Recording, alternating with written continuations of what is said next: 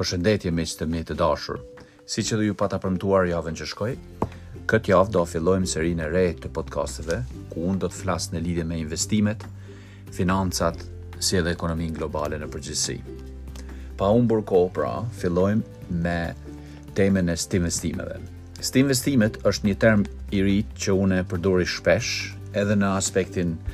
um, e profesionit, domethënë, kur isha um, si punonjës i institucionit financiar, um, e kam përdorur këtë në raport me klient, por edhe në raport, raportet e brendshme, pra në mënyrën se si jam, um, kam ndërtuar raporte me klientët, me stakeholders, me ata njerëzit e rëndësishëm, domethënë me të cilët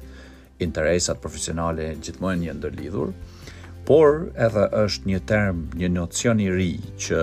më ndihmon të demonstroj një aspekt të veçantë në mënyrën se si unë i gjykoj për shembull um, stoqet ose vlerën e, e strategjive të ndryshme investuese. Pra për ta thjeshtësuar, Stinvestimet kanë të bëjnë më shumë me mënyrën se si investon, çka investon, kur investon, ku investon, um, për atë dhe domethënë, kjo është më tepër një derivat i strategic investments, për atë pra kemi dy germat e para S dhe T, um, dhe natyrisht vetë termi investime. Pra sot do të flasim në lidhje me e, investimet strategjike, se si unë për në portofolin tim prof, profesional, por edhe personal, um, se si i bëj alokimet, ku i bëj alokimet, uh, nga janë animet, uh, se si i ndjeki trendet, e tjera, e tjera. Pra pa humbur kohë, do të mundohem që të jem i thjeshtë, do të mundohem që të jem i rrjedhshëm, por aty aty këtu do të do të përjetojmë domethënë edhe disa pauza të cilat mua më ndihmojnë më tepër për rifokusim por natyrisht duke marrë parasysh edhe rrethanat se um, ku jam edukuar dhe ku kam kaluar një pjesë të madhe të kohës sime uh, um, në në perëndim pra në Britaninë e Madhe um, do Besoj se do të hasin në mirëkuptimin tuaj për shkak se janë shumë terme, terminologji, nocione të cilat um, janë në gjuhën angleze dhe kërkojnë kërkojnë pakëz kohë dhe mundim që ato të përkthehen dhe të kenë një një kuptim më të më të thjeshtë, më të qartë, më të thukët edhe në gjuhën shqipe. pra stin, stinvestimet. Përpara se të futemi te teknikalitetet e investimeve, më lejoni vetëm të hapem pakëz më tepër në tematikën e ekonomisë globale, sepse shumë tema kohët e fundit janë ngritur um, në përditshmërinë tonë, duke filluar me inflacionin e deri te shtrenjtia, sepse natyrisht inflacioni e shtrenjtia janë dy gjëra tjera, inflacioni mund të jetë dhe Një mjet i nevojshëm, i domosdoshëm për të kontrolluar, për të kontrolluar dhe për të krijuar një farë lloj balanci në ekonomi në në periudha të ndryshme. Por shtrenjtia është diçka tjetër, shtrenjtia më tepër mbështjell ato ato farë um, enigmat e jetës ekonomike ku kemi një sasi të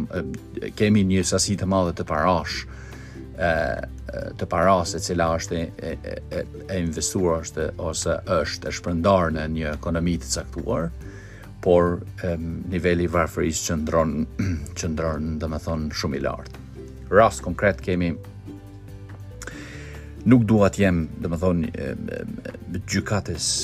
specifik i një vendi, ose një entiteti, ose një rajoni e tjera, por shembujt kryesisht do të jenë shembujt të cilat unë do t'i marr parasysh, janë shembujt e vendlindjes, pra Kosovës, aty-këtu do të flas edhe për aspekte të ndryshme në Shqipëri, por edhe në Britani të Madhe, në SHBA dhe në kontinentin evropian, pa marrë parasysh që shumë nga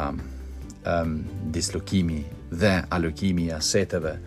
investuese uh, në profesionin tim kanë të bëjnë edhe me Azinë. Pra do të jem i gjerë, do të jem um, do të jem um, edhe i koncentruar në në 2, 3 ose 4 zona të ndryshme ekonomike globale.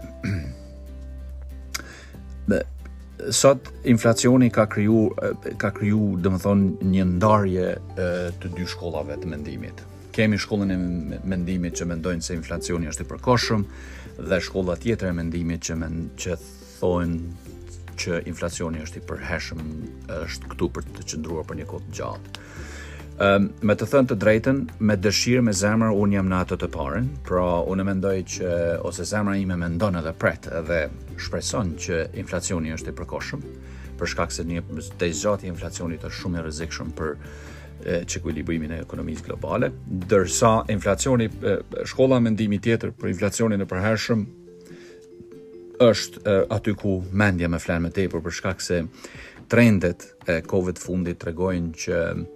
duke filluar që nga indeksi i investimeve deri te ato të, domethënë të zinxhiri i furnizimeve që është problem shumë i madh për botën, tregojnë që inflacioni ka tendenca të qëndrojë dhe të të ketë një gjatësi më të madhe.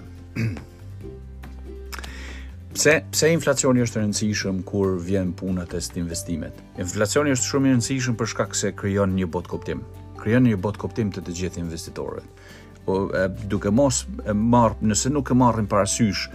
mendësinë se ku investitorët ku investitorët e kanë fokusin e tyre për ta përqendruar edhe kapitalin e tyre, atëherë ne do të humbim shumë kohë, sepse nuk mund të mendojmë për inflacionin vetëm në brenda ekuilibrave të të asaj që shkolla e mendimit të pabarazisë dhe barazisë na na mëson për shembull një shkollë e tillë është ajo Piketty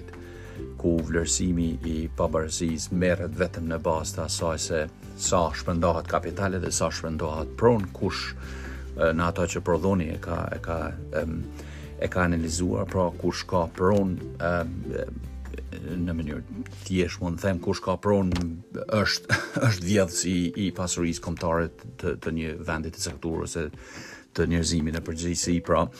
investitori është me rëndësi të kuptohet mendësia e investitorit kur vjen puna se si gjykohet niveli i inflacionit. Inflacion sa më i madh, do të thotë investim, investim sa më, sa më i vogël, për shkak se indeksi ose mund të themi kapaciteti të cilin um, investitori um, kapaciteti i kapitalit të cilin investitori investon mund të reduktohet. Pra ta zëmë prej periudhës korrik kur inflacioni i sotëm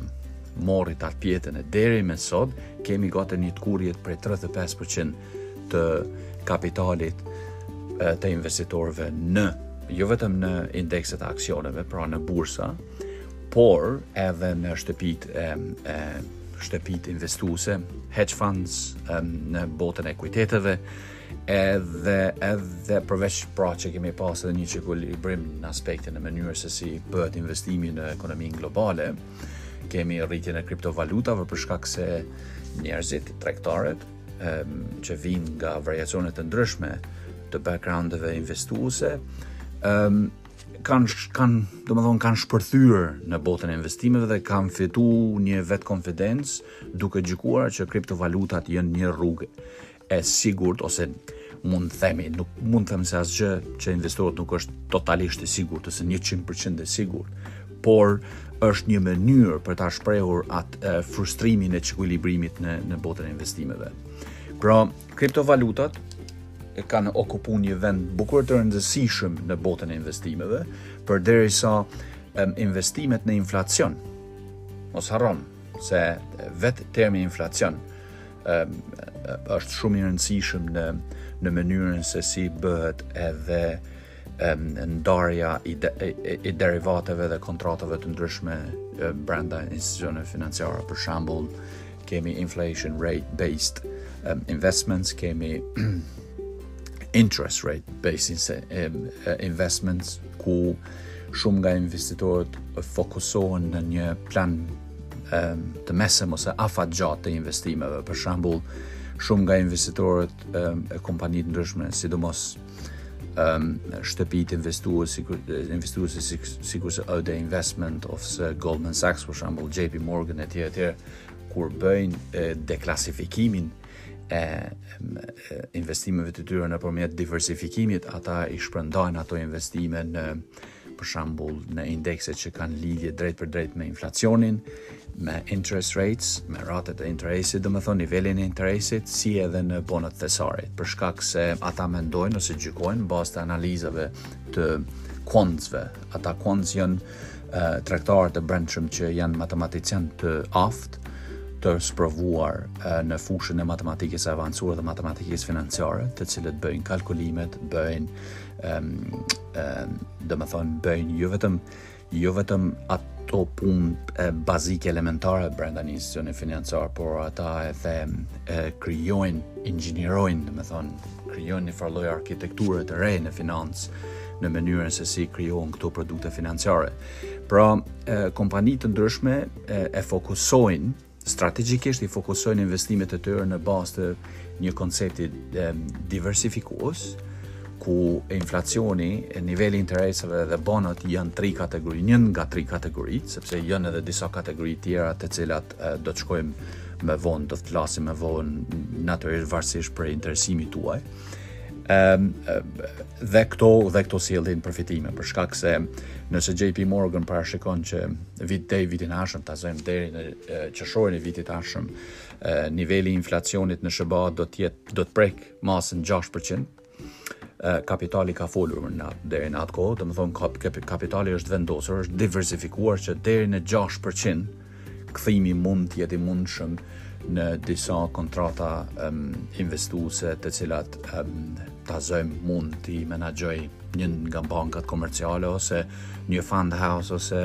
një broker house për shembull. Kështu që pa e komplikuar më më tej tematikën, e fillova me inflacionin për shkak se inflacioni nuk është vetëm derivat ose element i makroekonomisë ose mikroekonomisë së një vendi, është po ashtu edhe element shumë i rëndësishëm në mënyrën se si gjykohen um, aspektet e strategjive investuese në në fonde. Ka për shembull fonde, sidomos në ato ku unë jam pjesëmarrës në ETFs, Exchange Trade uh, Traded Funds, ku interesimi i klientëve është shumë i madh për shkak se me ti me ETF kthimi në bazë të kapitalit të investuar është i shpejtë, është i sekondshëm, por është edhe është afatgjatë në në kuptimin e rezistencës ndaj ndaj presioneve të të të um, rikalibrimeve të ndryshme që bëhen në, në asete, por është shumë i shpejtë në mënyrën se si investohet. Për shembull, sot mund të investohet 120 milion e funta sterlinga, funta britanike në ETF, në ETF që ka që ka lidhje domethënë at source, lidhje, lidhje burimore me ta zëmë biomjekësinë. Për shkak se biomjekësia sot është një tematikë e ditës, është një trend um, dhe është diçka që njerëzit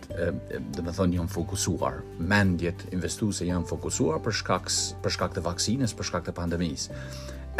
Këto ETF janë shumë të shpejta sepse procesohen me anë të superkompjuterëve dhe superinfrastrukturës të shpejtë që bëhet në institucione financiare edhe nuk kërkohet gjykimi i madh njerëzor në kuptimin që për shembull inteligjenca artificiale bën klasifikimin edhe rikalibrimin e e gjitha e e e e gjithë, domethënë kapitalit që investohet në të, edhe ekzekutohet brenda ditës, edhe kthimi realizohet brenda ditës. Pra, ETFs janë një aspekt tjetër që që për shumë njerëz besoj se shumë njerëz shumë prej jush edhe keni dëgjuar, por është një formë e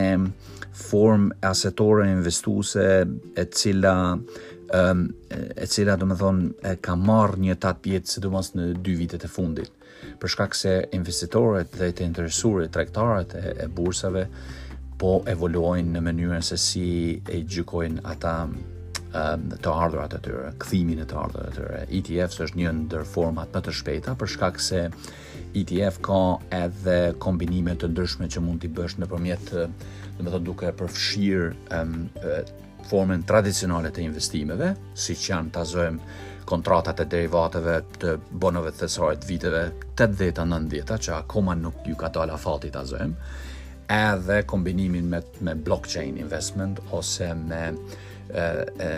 VC investment ose venture capital investment. Pra, um, duhet të kemi parasysh që shumë prej investimeve, shumë prej um, mënyrës se si um, fokusohen, rifokusohen dhe diversifikohen um, asetet në këto investime, është e bazuar në ba, në në në bazë të asaj që se si mund të gjykohet ose mund të anticipohet 5-vjeçi ose 10-vjeçi i ardhshëm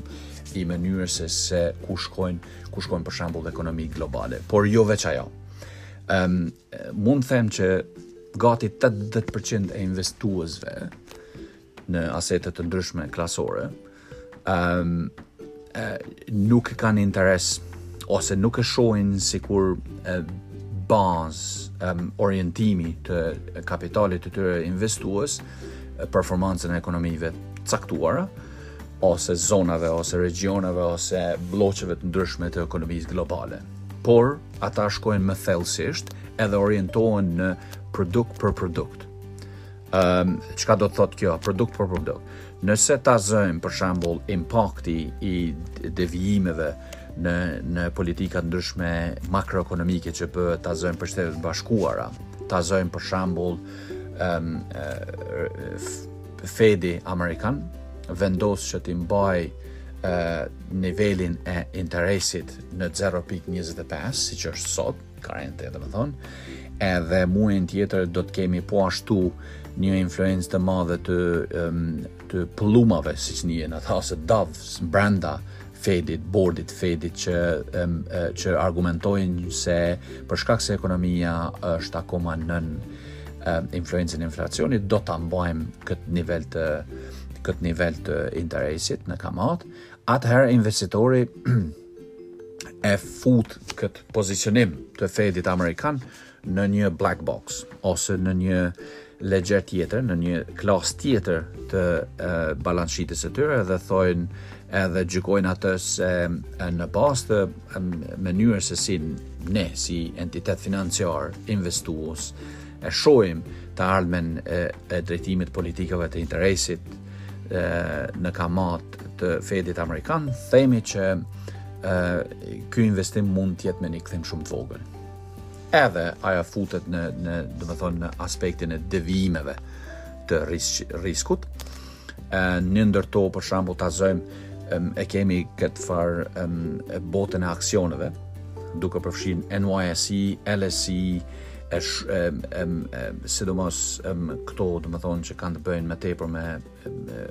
entitetet shkëmbyese të valutave kanë që kanë volum shumë të madh orientimin e tyre që kanë kryesisht në jo vetëm në shkëmbim por edhe rivlerësim të valutave përfshihen në një në një strumbullar të vetëm që quhet edhe all share index. Ëm um, all share index e indekset gjykohen nga investitorët që të jenë forma më e drejtpërdrejtë më e thjeshtë e mënyrës se si njerëzit investojnë duke përfshirë edhe kriptovalutat. Pra, um, për investitorin që ka është më rëndësishme, sidomos për investitorin që ka orientim si të investues, domethënë investim eh, strategjik investues,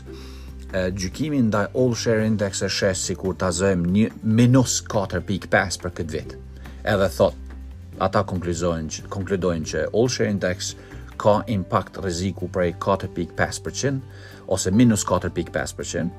Ëm transporti ka vlerësim ose devijim prej minus 10.6%,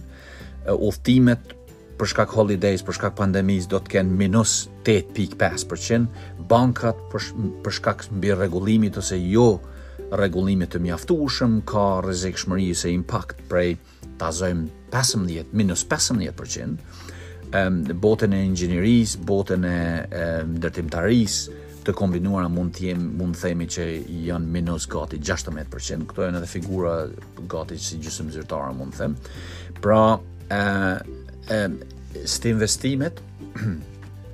në botën e sotme, kurente, domethënë në botën momentale, në botën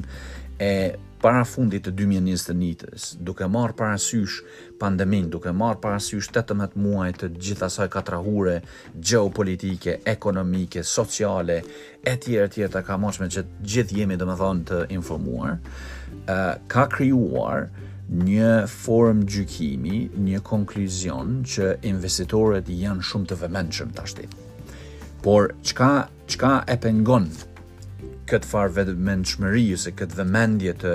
ngadalësuar të investitorëve të progresojë sepse mos harrojmë që një vëmendje një një një një vëmendje e madhe e investitorëve për të mos të investuar është shumë lajm i keq për gjithë ekonominë globale. Por çka ka pan, e ka penguar këtë të ketë impakt në ekonominë globale është pikërisht pra pikërisht mënyra se si dollari është investuar shumë në ekonominë amerikane, poundi në Britani të Madhe si edhe euro në ECB dhe në BE. Çka do të thotë kjo me quantitative easing, me futjen e madhe, gati gati mund të themi 23 trilionëshe vetëm në 10 vitet e kaluara, ka krijuar jo vetëm inflacion në kuptimin që paraja ka humbat kuptimin e vet edhe për investitorët, por ka krijuar edhe një cikël të të pritshmërive nga investitorët nga konsumatorët por edhe nga vetë ekonomitë. Për shembull, një ndër um, aspektet që shumë nga ne, um, domethënë ngrehim vetullat është se si është e mundur që 1.8 trilion dollarë investohen ose është përmës, është premtuar nga presidenti Biden të investohet në ekonominë um, amerikane. Si është e mundur që gjitha këto para të akumulohen aq shumë, domethënë pse ekonomia, pse ekonomia amerikane është shumë e etshme për para. Edhe natyrisht njerëzit kanë opinione të ndryshme, por ato janë vetëm opinione. Kur kur e kur flas për e, mënyrën se se si ndikon, domethënë prurja e madhe e paras në në një ekonomi, sidomos në në mënyrën se si investitorët e konceptojnë e konceptojnë formën e, e një ekonomie të tashme, futja e madhe e parasë është shumë e rrezikshme. Është gati gati sa edhe vetëshkatërruese. Për shkak se ne duhet të kemi parasysh që një fokusim i madh i një valute brenda një ekonomie që ka kapacitet shumë ta absorbojë keshin por jo ta reformojë ekonominë, ajo jo vetëm që është humbje për keshin dhe rritje e e e e, e kapacitetit për ta për ta krijuar një një një një, domethënë, një formë kërpudhe nukleare monetare, por mund edhe ta devaluojë dollarin brenda një periudhe pesë vjeçare. Për shkak se investitorët vetëm presin, edhe kur e gjejnë më mënyrën strategjike, me kohën strategjike për të për të injektuar kapitalin e tyre, kohën kur vlera e dollarit është shumë e madhe përderisa vlera e mbajtur e kursimeve të tyre është shumë më e vogël, atëherë natyrisht kjo ka ndodhë dhe sidomos mas viteve, domethënë mas vitit 2009, 2010, 2011, deri në vitin 2014, ku shumë aksionarë të kompanive të ndryshme, investitorë të ndryshëm, fituan tej mase, për shkak se um, futja e, e, e një sasie të madhe të dollarit në treg, vetëm çka i rriti, i rriti çmimin e aseteve të cilat ishin të painvestueshme, por që u bënë të investueshme brenda një periudhe shumë të shkurtër, për shkak se jo vetëm që bankat u furnizuan me para mirë, por edhe në anën tjetër konsumatorët nuk u zhborxhëzuan nga obligimet e tyre, por bankat filluan të të krijojnë këtë farloj apetitin e pafund për të pas për të për të akumuluar për të akumuluar um, asete valutore. Pra, si përmbyllje mund të them që um, mënyra se si st investimet um, pozicionohen në një në një tabor të të, të veçantë të mënyrës së investimeve është shumë e ndryshme nga mënyra tradicionale e investimeve ose mënyra se si investohet në kriptovaluta, sepse për këto dyja do të flasim shumë më vonë. Um, strategic investi, strategic investments ose investimet janë edhe një form um, form jo jo shumë e re, me të thënë të drejtën, për shkak se unë e kam vetë emru uh, këtë term për ta thjeshtësuar në mënyrën se si se si të, se si të bëhet një prezantim shumë më më i thukët, më i thjeshtë, por mund të them që investime strategjike kanë kanë marrë hov sidomos pas luftës së dytë botërore, kohën kur fondi Marshall ndihmoi, domethënë Shtetet e Bashkuara të Amerikës ndihmuan rekuperimin dhe rehabilitimin si edhe ringritjen e ekonomisë evropiane. shumë nga bankat investuese amerikane fillun domethënë ta okupojnë, ta invazojnë tregun evropian, me anë të repozicionimit të kapitalit të tyre të dyfish. Domethënë, i kishim me një anë, i kishim fonde që vishin nga fondi Marshall, dhe në anën tjetër i kishim kapitalin privat të bankave dhe institucioneve financiare dhe shtëpive, edhe dinastive financiare të ndryshme, të cilat në mënyrë strategjike pozicionuan ose ngulitën dhëmbët e tyre kapital me me anë të kapitalit në në ekonominë evropiane, çka ndihmoi ekonominë evropiane të rikuperohet shumë shpejt. Për shembull, një fokus i madh i i GM Motors, um, Fordit si edhe si edhe dy tre bankave tjera nga New Yorku në industrinë, industrinë e rëndë si të prodhimit të metaleve dhe të hekurit, si edhe në industrinë e prodhimit të makinave në Gjermani ndihmoi. Domethënë, jo vetëm ringritjen e Gjermanisë, por fuqizimin e, e ekonomisë gjermane. Edhe kjo nuk u bë në mënyrën se si ne dimë t'i gjykojmë të gjëra kapitalistët e morën botën ose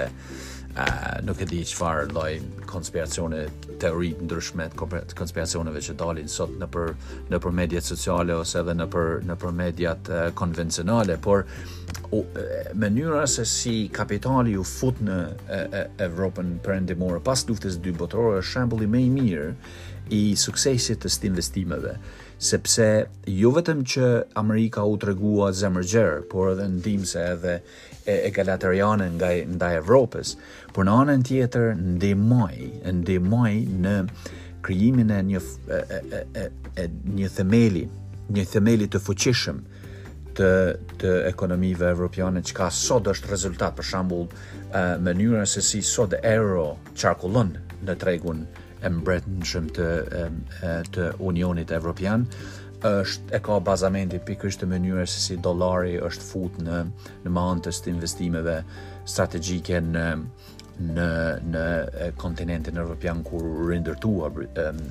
kontinenti evropian për atëherë Pra duhet të duhet ta hapim mendjen dhe duhet të jemi të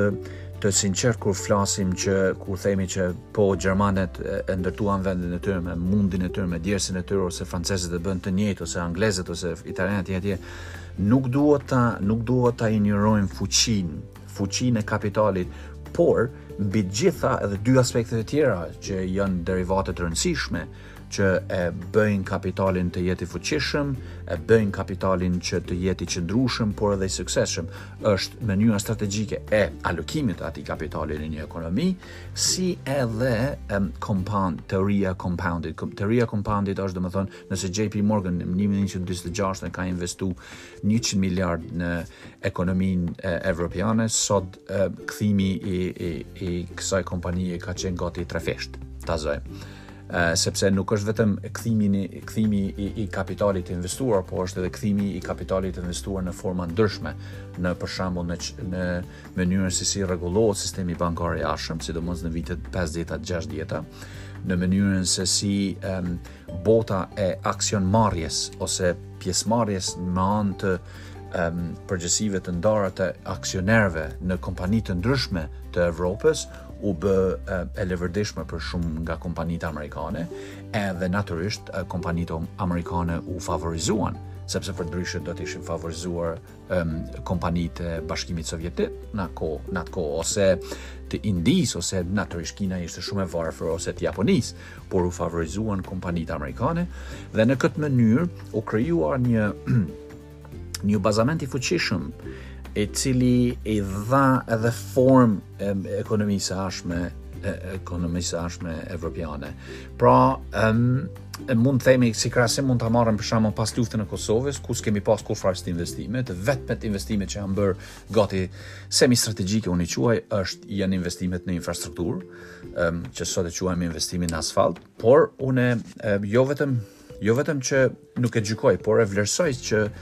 këto investime në infrastrukturë do të ndihmojnë në një një një akumulim të mirë të kapitalit të ardhshëm në të ardhmen, varësisht në mënyrën se si ne tani di, dizajnojmë politikat ekonomike për të ardhmen e Kosovës, për të ardhmen e, e, e të rinjve tanë, por edhe për të ardhmen e vend, për të ardhmen e vendit dhe popullit, popullit të Kosovës brenda vetë, vetë territorit edhe të ardhmes të ardhmes ekonomike të tyre. Pra, nëse tërheqim paralele, mund, ajo mund të jetë një ndër krahasimet, nuk shoh ndonjë est investim ose mënyrë tjetër e est investimeve që është bërë ose që është komunikuar ose që është realizuar në, në Kosovën e pas çlirimit, Por natyrisht kemi akoma kohë, edhe natyrisht kemi edhe shumë për të mësuar. Kështu që e, e, për ta konkluduar me 2-3 pika e, thjeshta dhe të shumë të për, e, domethënë të përpikta, mund të themi që në est investime kemi një kategori kategori 2, domethënë kemi dy shkolla të mendimit, kemi mënyrën tradicionale të vjetër të e mënyrës se si investojmë, edhe kemi mënyrën tashmi, tashmë të re, ose metodën e re të investimeve. Um, sepse mos të harrojmë, brenda est investimeve, kriptovalutat zënë një vend të rëndësishëm, pa marrë parasysh se sot janë edhe si një pjesë, um, pjesë akoma e diskutueshme e botës investuese, por duhet të duhet të jemi mendjehapur dhe duhet të jemi pakëz më më të akceptueshëm ndaj ideve të reja sepse um, kriptovalutat dhe dhe mënyra se si se nga suportohet kripto, sistemi i kriptovalutave është nëpërmjet një perfeksionimi teknologjik. Edhe unë jam shumë fans edhe adhurues i madh i teknologjisë, i robotikës, i inteligjencës artificiale, um, dhe dhe në një mënyrë a tjetër, a tjetër, kjo domethënë për mua më jep një një sens optimizmi sepse investimet do të jenë të shumëllojshme brenda një periudhe 5 deri në 10 vjeç 10 vjeçe. Kështu që um, ne duhet të bëjmë çmos që t'i shfrytëzojmë këto mundësi dhe këto oportunitete që që na jep bota e teknologjisë sot dhe duhet ta gjejmë veten brenda këtyre investimeve dhe kjo bëhet nëpërmjet gjurmimeve të ndryshme që mund t'i bëjmë edhe në online Me kalimin e kohës, unë do të postoj edhe disa linke të, të cilat do t'i ndihmojnë të interesuarit të dinë dhe të mësojnë më tepër në mënyrën se se si ata duhet të fokusohen në uh, në investimet uh, strategjike çka uh, çka kupton bota e investimeve strategjike, çka është bota e investimeve strategjike e tjera e tjera. Pra kaq për sot miqtë e mi të dashur, kë, um, ju kërkoj ndjesë për shkak që mbase gjatë procesit të, të ligjërimit ka pasur edhe shumë teknikalitete të ndryshme ose um, mënyra të shtjellimit komplekse të botës së investimeve, por më më dërgoni mesazhe, do të përpiqem t'ju kthej përgjigje sa më shpejt që është e mundur. Diçka që e keni të paqartë, mos hezitoni, jeni në kontakt. I dini, domethënë i keni Messenger, mund të më çoni mesazh atje ose nëpërmjet emailit emanuel.bajra@gmail.com edhe mbi të gjitha ë